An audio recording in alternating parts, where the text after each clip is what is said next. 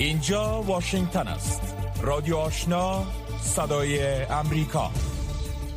شنوندگان عزیز سلام. شب همه شما بخیر. حفیظ آصفی هستم و با همکارانم برنامه خبری ساعت رادیو آشنا صدای امریکا را تقدیم می کنیم در سرآغاز برنامه رویا زمانی تازه ترین خبرهای افغانستان منطقه و جهان تقدیم می کنم با تقدیم سلام. صندوق بچه سازمان ملل متحد برای کودکان یا یونیسف می‌گوید که برای جلوگیری گسترش شیوع بیماری سرخکان ده ها هزار کودک را در بخش‌های مختلف افغانستان واکسین می کند. یونیسف روز چهارشنبه هفتم ماه سپتامبر گفت که قرار است در این کمپاین 550 هزار کودک در نه ولایت مرکزی افغانستان واکسین گردند. بر اساس معلومات ملل متحد این کمپاین واکسین به همکاری سازمان جهانی صحت و به پشتیبانی مالی دولت ژاپن را اندازی می شود. یونیسف امیدوار است که با تطبیق این کمپاین از شیوع بیشتر بیماری سرخکان در بخشای افغانستان جلوگیری شود.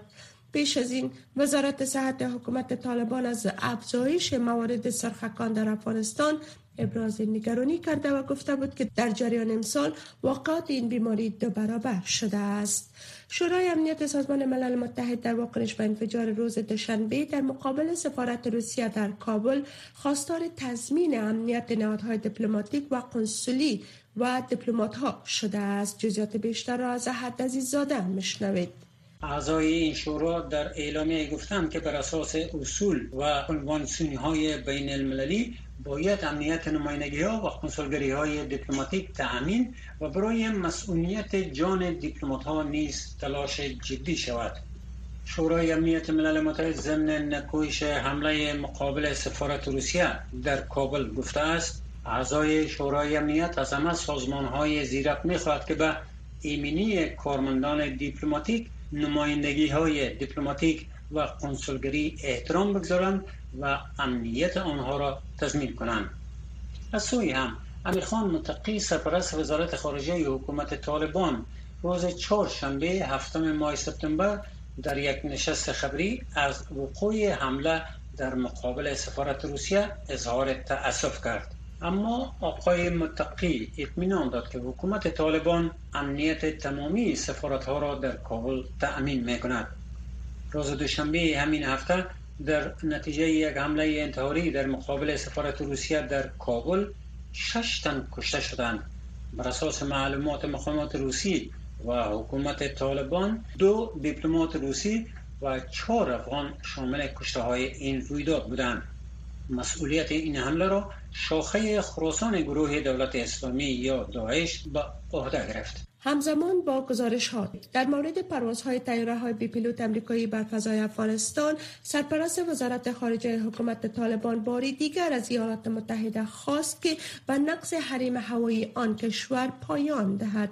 اخیرا گزارش ها به نشر رسید که تیاره های بی پیلوت امریکا بر فضای افغانستان پرواز می کند مقام های ارشد طالبان تایید کردند که هنوز هم در حریم هوایی افغانستان تیاره های بی پیلوت امریکایی پرواز می کنند که به گفته آنان این کار تجاوز آشکار بر حریم هوایی این کشور است. امیرخان متقی روز چهارشنبه هفتم ماه سپتامبر به خبرنگاران گفت که هر گونه پرواز تیاره های امریکایی بر فضای افغانستان خلاف قوانین بین المللی و توافقنامه دوحه است. آقای متقی افزود که در این مورد بارها با حیات های امریکایی بحث و گفتگو کردند. به گفته وی زمانی که خاک افغانستان علیه دیگران استفاده نمی شود دیگر کشورها نیز هیچ حقی ندارند تا تیاره های بی پیلوتشان را بر فضای افغانستان پرواز دهند. این در حال است که جو بایدن رئیس جمهوری ایالات متحده به تاریخ اول آگوست سال 2022 اعلام کرد که ایمن الزواهری رهبر شبکه القاعده در اثر حمله تیاره بی پیلوت امریکا در منطقه شیرپور کابل کشته شد. خبرهای منطقه و جهان را از رادیو آشنا صدای امریکا میشنوید. اداره جهانی انرژی اتمی می‌گوید که در تاسیسات اتمی ژاپورژیای اوکراین وضعیت کنونی قابل اداره نیست و برای جلوگیری از یک حادثه اتمی در این تاسیسات به تدابیر موقتی عاجل نیاز است. رایفل گروسی رئیس اداره بین المللی انرژی اتمی در جریان صحبت در مجلس شورای امنیت سازمان ملل متحد گفت که این یک بازی با آتش است و لحظه امکان وقوع یک فاجعه اتمی وجود دارد. آقای گروسی چند ساعت بعد از آن در این مورد سخن می گفت که نداره گزارش خود را در مورد وضعیت تاسیسات اتمی ژاپوریژیا نشر نمود. در این گزارش از روسیه و اوکراین تقاضا می شود که یک منطقه مسئول اتمی را در اطراف این تاسیسات ایجاد کنند. همچنان خواسته شده که از فایرها در اطراف این تاسیسات به طور عاجل خودداری شود تا به این تاسیسات زیان بیشتر وارد نگردد و کارمندان عملیاتی این دستگاه در امان باشند. تاسیساتی که تحت کنترل قوای روسیه قرار دارد کار عملیاتی آن را متخصصین اوکراینی پیش می‌برند. گزارش اداره بین المللی انرژی اتمی بعد از آن نشر شد که مفتشین ملل متحد تحت رهبری آقای گروسی در اواخر از تاسیسات دیدن کردند. یک مقام محلی اوکراین امروز چهارشنبه یک روز پس از آن که سازمان دیدبان اتمی سازمان ملل متحد برای طرفهای درگیر جنگ فشار آورد تا به منظور جلوگیری از احتمال یک فاجعه منطقه امن ایجاد شود گفت که روسیه گلوله‌باری خود را در منطقه نیروگاه هسته‌ای ژوپریژیا شدت داده است. ولنتین رزنچنکو والی محلی گفت که شهر نیکوپول که در ساحل مقابل دریای دنپر نزدیک به بزرگترین نیروگاه هسته اروپا قرار دارد با راکت و توپخانه سنگین مورد هدف قرار گرفت. گزارش های گلوله‌باری در این منطقه که به گونه مستقل تایید نشده است باعث زنگ خطر بین المللی گردیده است. ولادیمیر پوتین رئیس جمهور روسیه امروز چهارشنبه در نشست اقتصادی در ولادیوستک غرب را به خیانت به کشورهای فقیر که شدید با کمبود مواد غذایی مواجهاند متهم کرد. و ادعا نمود که 80 کشتی حامل غله اوکراین را ترک گفته ولی فقط دو کشتیان به کشورهای فقیر و باقی مانده به کشورهای اروپایی فرستاده شده است. تا کنون یک از این دو کشتی که تحت برنامه جهانی غذای سازمان ملل متحد فعالیت می کند به افریقا برای کمک به ایتیوپیا و سومالیا که با خشکسالی مواجه هستند رسیده است. استریس صدر بریتانیا پس از تعیین یک حکومت متنوع نژادی و جنسیتی و متحد. در حمایت از دیدگاه های سرسختانه بازار آزاد اولین نشست کابینه خود را امروز چهارشنبه برگزار می کند خانم ترس همچنان برای اولین بار به عنوان رهبر جدید بریتانیا در جریان جلسه هفتگی پارلمان آن کشور با مخالفان سیاسی خود روبرو خواهد شد. ترس 47 ساله روز سه شنبه پس از پیروزی در انتخابات داخلی برای رهبری حزب محافظه کار حاکم از ملکه الیزابت دوم به عنوان صدر اعظم منصوب شد. و بلافاصله بعد از احراز کرسی دولت بسیاری از وزیران حکومت دولت بوریس جانسن را برکنار کرد به ویژه کسانی که از رقیب او ریشی سوناک حمایت کرده بودند. دیپلمات های ایالات متحده ژاپن و کره جنوبی در واکنش به هر گونه تهدید کره شمالی از جمله آزمایش هسته جدید احتمالی بر تعهد خود برای همکاری با یکدیگر تاکید کردند. سه دیپلمات ارشد مسئول امور کره شمالی نیز بر تلاش های خود برای تقویت مشارکت امنیتی خود تاکید کردند. ژاپن و کره جنوبی به نیازهایشان برای بهبود همکاری های دو جانبه و سه جانبه نیز صحبت کردند. روابط میان ژاپن و کره جنوبی به دلیل اختلافات تاریخی اشغال ژاپن در شبه جزیره کره به شدت خدشه‌دار شده بود. یک مقام روسی روز چهارشنبه گفت که ولادیمیر پوتین رئیس جمهور روسیه و شی جینگ پینگ رئیس جمهور چین هفته آینده در نشست در ازبکستان با هم دیدار خواهند کرد.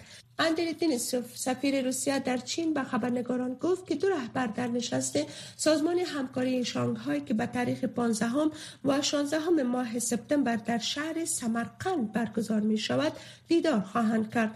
گزارش های تایید نشده می رساند که آقای شی قبل از سفر به ازبکستان از قزاقستان دیدن خواهد کرد. ماینینگ سخنگوی وزارت خارجه چین در یک نشست خبری امروز چهارشنبه در پاسخ به سوال در مورد سفر آقای شی به قزاقستان گفت که آنان در این مورد تا حال جزیات در دست ندارند.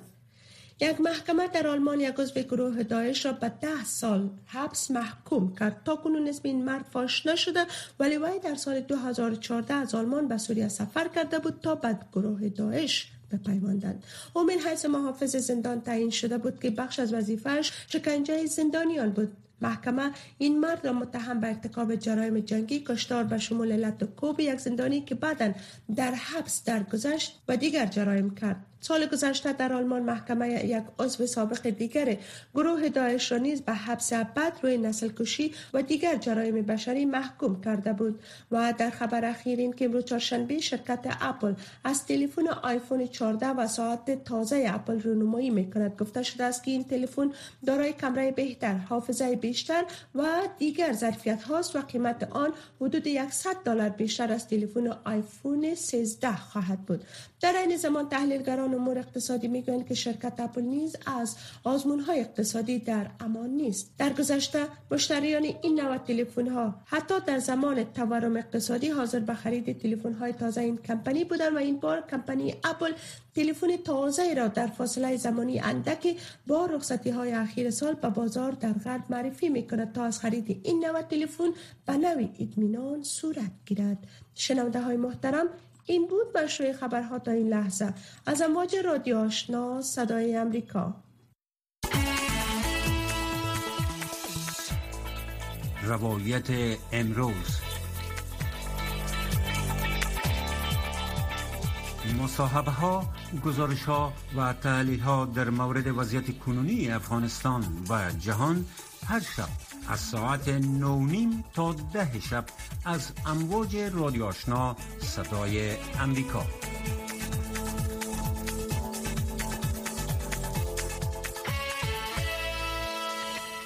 خبرهای افغانستان منطقه و جهان از رادیو آشنا صدای امریکا شنیدین. حالا هم گزارش های برنامه.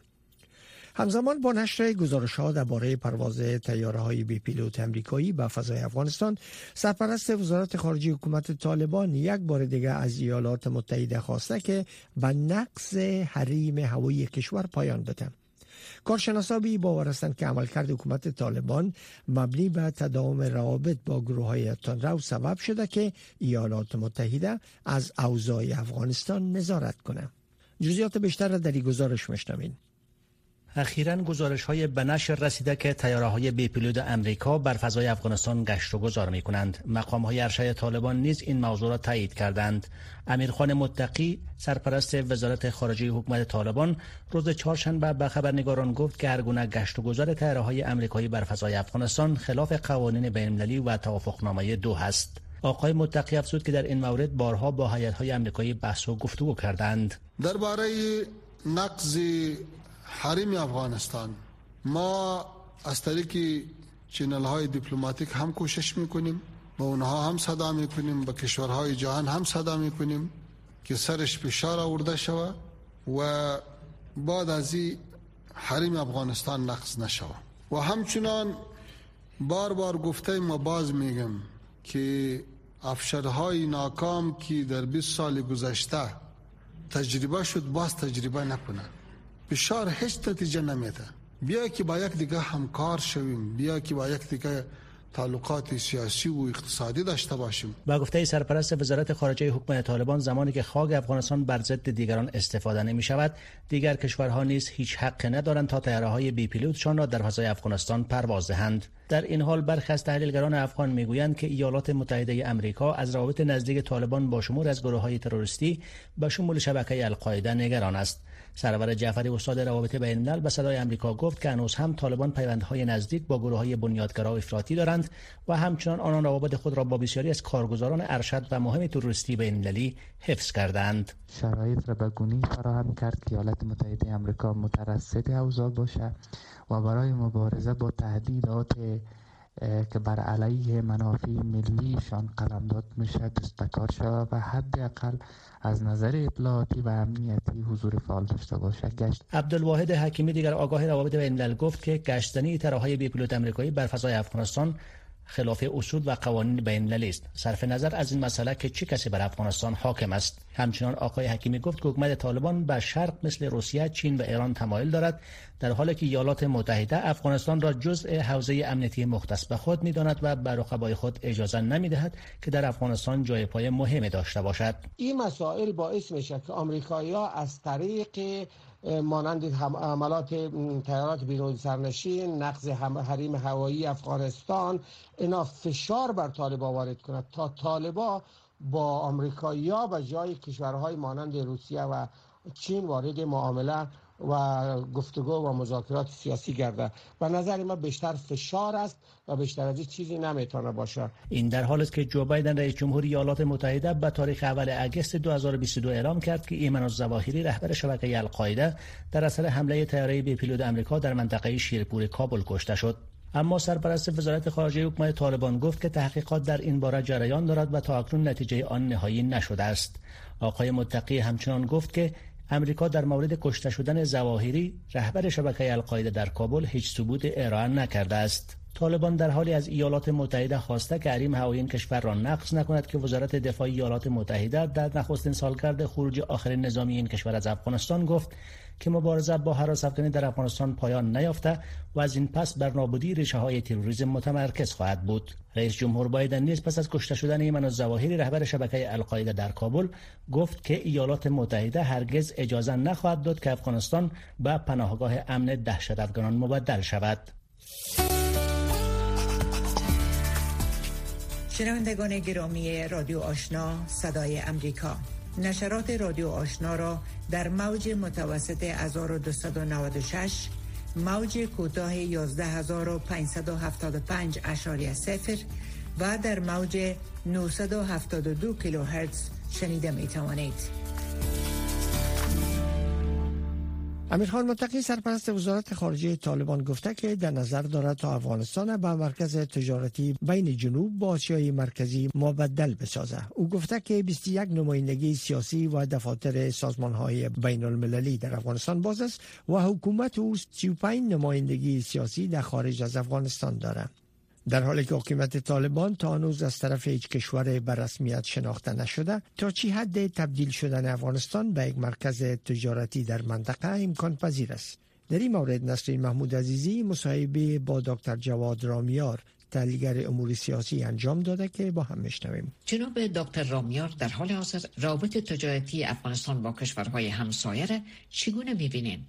ببینید مسئله مناسبات اقتصادی افغانستان با کشورهای همسایه نه تنها در شرایط فعلی که تقریبا یک شرایط بحرانی است در گذشته هم یک رابطه پایاپای و برابر نبوده و همواره افغانستان یک کشور مصرفی برای کشورهای همسایه بوده و شما اگر به تراز اقتصادی سالهای گذشته که حتی شرایط مراتب بهتر از وضعیت حال بود نگاه کنید افغانستان یک کشور وارداتی بود و همواره حجم صادرات و وارداتش که نگاه می‌کنین می‌بینین بسیار متفاوته. یعنی بیشتر از کالاهایی که در مناطق مثلا من چند نمونه بده شما میگم. مثلا در هرات شما وقتی بازار هرات رو نگاه می‌کردین قسمت اعظم از کالاها کالاهای ایرانی بود. همچنین در قندهار در کابل کالاها بیشتر کالاهای پاکستانی و به تبعی از مناطق مرزی دیگه. و از این بر شما کالاهای صادراتی افغانستان رو که وقتی نگاه می‌کنیم می‌بینیم به استثنای چند قلم بسیار محدود ما دیگه کالاهای دیگه برای صادرات نداشتیم و جاذبه هم نداشتیم. در فصل تابستان یک سری از میوه ها و مواردی مثلا سنگ های تزیینی و فرش تا و تعداد اقلام صادراتی بسیار بسیار محدود در گذشته. شرایط فعلی که بسیار شرایط بحرانی است و این تراز همچنان منفی شده و فعلا به خاطر فرار سرمایه ها من اخیرا در اخبار میخواندم که رئیس بورس ایران اعلان کرده که بیش از ده میلیون دلار در بورس ایران افغان ها سرمایه گذاری کردن و این نشان از یک فرار سرمایه بسیار بسیار بزرگ میده. او در کشور مثل ایران که خودی وضعیت اقتصادی متزلزلی داره سرمایه های دیگه در کشورهای دیگه توسعه یافته تر مثل امارات ترکیه اینها فرار کرده. در کل این تراز تراز مناسبی نیست. با چنین اوضاعی که شما تشریح کردین آیا امکانات از این وجود داره که افغانستان بتانه به یک مرکز تجارتی در منطقه مبدل شود؟ خدمت شما ارز کنم این شعارهای های اقتصادی مرکز اقتصادی و اصطلاحهای از این دست ما برای اولین بار نیستی حرفا رو میشنویم. در حکومت رئیس جمهور مخلوع و فراری آقای اشرف غنی هم بار بار ما اصطلاحات شنیدیم. و خب اینا بیشتر در حد یک شعاره. و اگر بخوایم واقعیت نگاه کنیم افغانستان به دلایل ساختاری متاسفانه ظرفیت وجود نداره. در گذشته نداشت. چی برسه به حال؟ مهمترین دلیلی که افغانستان نتوانست و نخواهد توانست به زودی ها به چنین موقعیتی دست پیدا کنه مسئله ثبات سیاسی و مسئله امنیت. در شرایط فعلی حکومتی که خودی و از خود هنوز ساختار سیاسی مشخصی نداره به رسمیت شناخته نشده. در لحاظ داخلی اگر بخوایم نگاه کنید حکومتی که به وسیله سرپرست های اداره میشه و خود طالبا هم زیاد امید آنچنانی ظاهرا برداشت منه که به ماندن خود ندارن. اگر میداشتن یک حکومت دائمی تمام حکومت طالبا یک حکومت وزارت خانه را که نگاه می‌کنید سرپرستن. این نشان از بیثباتی سیاسی داره. مسئله دو مسئله امنیت افغانستان. که امنیت در در حدودا بیش از یک دهه اخیر مسئله جدی بوده برای افغانستان. در همچی ساختار هیچ کشوری و هیچ کمپنی حاضر نیست در افغانستان سرمایه گذاری کنه. یاد ما باشه بدون سرمایه گذاری خارجی قامتی می‌تونه از طرف دولت ها باشه می‌تونه از طرف کمپنی ها باشه.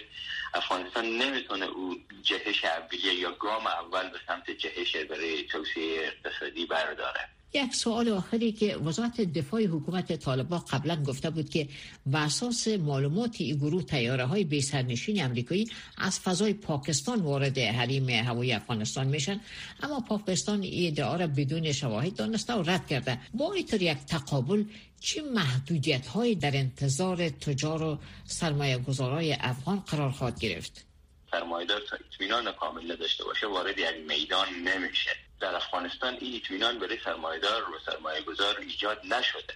و وقتی ایجاد نشده باشه ما نباید از سرم... حتی از سرمایه گذار داخلی خود نباید توقع داشته باشیم در افغانستان بمانند همون خاطر هم شما می‌بینیم که فرار سرمایه ها ما بیش از اندازه در یک سال اخیر داشتیم. با این وضعیت من خیلی خوشبین نیستم که ما در افغانستان بخواهیم به یک ثبات اقتصادی سیاسی یا حداقل گام ها رو به سمت جهش اقتصادی ببینیم و حتی روند روند معکوسی از نظر من. تنها که نشانی از ورود سرمایه نمی‌بینیم بیشتر نشانه ها به سمت فرار سرمایه هاست.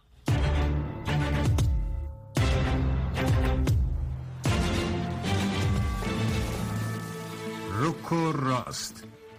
صحبت های داغ صاحب نظران و نظریات شنوندگان در مورد خبرها و مسائل روز هر شام از ساعت 8 تا 9 شب در برنامه مشترک دری و پشتوی رادیو آشنا صدای امریکا.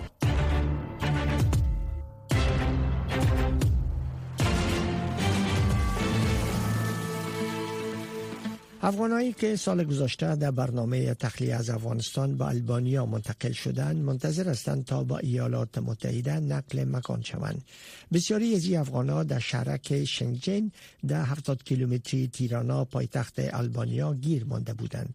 این در حال است که ایالات متحده مصمم است انتقال افغانها را به ایالات متحده در چارچوب برنامه اقامت موقت بشردوستانه متوقف بسازد. برگردان گزارش اسوسییتد پرس از قدیر مشرف میشنویم صدها پناهجوی افغان که پس از تسلط دوباره طالبان بر افغانستان کشورشان را ترک کرده و از یک سال بدین سو در البانیا گیر ماندهاند منتظر تحقق وعده های انتقال دائمی آنان به ایالات متحده می باشند. بسیاری از آنان مثل فیروز مشعوف که هنوز هم سخنگوی فدراسیون فوتبال افغانستان است می‌گویند که خبرها از افغانستان و انتظار دراز مدت آنان به منظور بررسی و نهایی شدن اسکان مجدد آنان حوصله آنان را به سر رسانده اما با آن هم امید را از دست ندادند. من دختر به دنیا دارم حال دو هفته میشه صاحب فرزند شدم پدر شدم برای چند سال. من میشه میگم ما جوانان نسل سوخته بریم در افغانستان همه چیز ما سوخت و 15 آگست اندک چیزی هم که داشتیم از ما گرفت. ما امیدوارم که دخترم بتونه در یک محیط خیلی خوب بدون جنگ در آمریکا زندگی کنه پیشرفت کنه. چیزایی که من دیدم دخترم نبینه در آمریکا هدف ما در زندگی فعلا همیست این در حالی است که یک مقام ارشد حکومت به رهبری جو بایدن می‌گوید که به جز از چند استثنا ایالات متحده پذیرش افغانهای تحت برنامه اقامت موقت بشردوستانه یا هیومانیتریان پرول را متوقف و در عوض پروسه انتقال خانواده های شهروندان امریکایی دارندگان اقامت دائمی امریکا یا گرین کارت و افغان های با ویزه ویژه مهاجرتی یا اسایوی را که در معرض خطر انتقام جویی طالبان قرار دارند تسریع می بخشد. این مقام امریکایی تاکید کرده که اتحاد دوباره خانواده ها برای خود افغان ها جوامعی که نگران آنان هستند مدافعان در سراسر کشور گروه های نظامیان بازنشسته و همچنین برای ما یک اولویت واقعا بالا است این بازنگری در پلیسی از کان مجدد به دنبال ماها گفتگو بین دولت و اطلاف تخلیه افغان ها صورت گرفته است اطلاف تخلیه افغان ها گروه هایی را در بر می‌گیرد که انتقال و اسکان مجدد افغان ها در ایالات متحده را تسهیل می بخشند. در میان افغان های اقامت گزیده در البانیا افراد هم مثل پریسا واحدی 23 ساله حضور دارند که می‌گوید احساسی خوبی ندارد چرا که خانوادهش در کابل مانده و آینده خودشان نیز نامعلوم است اما در این میان رابعه یعقوبی قبلا مسکونه ولسوالی دهدادی ولایت بلخ می‌گوید از وضعیت زندگی در البانیا رضایت دارد و در کنار این که در رستوران کار می کند فوتبال را نیز رها نکرده است. زندگی من اینجا خیلی خوب بوده از لحاظ روحی هم خوب بوده از لحاظ چی من اینجا هم تمرینات خود پیش می بردم گرچه اگر ما میدان مجهز نداشتیم مثلا همین میدانی که هستن همیشه بر تمرین تمرین می‌کنیم. دیگه بعد از اون وارد کار شدیم کار می‌کنیم در آلبانیا ما در آینده می‌خوایم یک فوتبالر موفق شوم چون عشق من زندگی من فوتبال است و اگر بخوایم امریکا برم فوتبال ما می‌خوایم پیش ببرم در ماه اگست سال 2021 حدود 2400 افغان به البانیا منتقل شدند و در شهرک شینچینگ و سایر شهرک ها مسکن گزین شدند. سازمان های غیر انتفاعی از ایالات متحده و سایر کشورها حمایت های مالی را برای اسکان آنها فراهم کردند. حکومت البانیا یک سال قبل اعلام کرد که هزاران افغان را حداقل به مدت یک سال قبل از اینکه برای اسکان نهایی به ایالات متحده نقل مکان کنند اسکان خواهد داد. رادیو آشنا صدای امریکا منبع موثق خبرها و گزارش های جهان و افغانستان لیستراس روز سه شنبه رسما صدر بریتانیا و جاگزین بوریس جانسن شد که در ماه جولای استعفای خود اعلام کرده بود. ترس که به عنوان یک مهاجم در سیاست خارجی پنداشته میشه متحد شده که در برابر روسیه و چین موضع سخت را اتخاذ کنه. هنری ریجوال گزارش دارد در این مورد که برگردان او را از عبدالواجد عادل میشنویم. روز تحول در بریتانیا کشوری که به ندرت فاقد مراسم و سنت ها می باشد بوریس جانسن صدر اعظم مستعفی روز سهشنبه با ملکه الیزابت دوم دیدار کرد تا استعفای خود را در اقامتگاه اسکاتلند وی تقدیم کند. ملکه 96 ساله به دلیل مشکلات سلامتی قادر به سفر به لندن نیست. تنها چند ساعت بعد از آن لیستراس نیز همان سفر را انجام داد و ملکه از وی خواست تا یک حکومت جدید تشکیل دهد. او پانزدهمین صدر است که توسط ملکه الیزابت منصوب می شود پس به لندن بازگشته و یک خطابه تلویزیونی داده گفت We now face severe global headwinds caused by Russia's appalling war in Ukraine ما اکنون با بادهای مخالف شدید جهانی ناشی از جنگ وحشتناک روسیه در اوکراین و پیامدهای کووید 19 روبرو هستیم. ما متحدانه با متحدان خود برای آزادی دموکراسی در سراسر جهان ایستادگی خواهیم کرد. به نظر جان کمپنر از شدم هاوز هر معایسل سیاسی و احتمالا کوتاه مدت خواهد بود.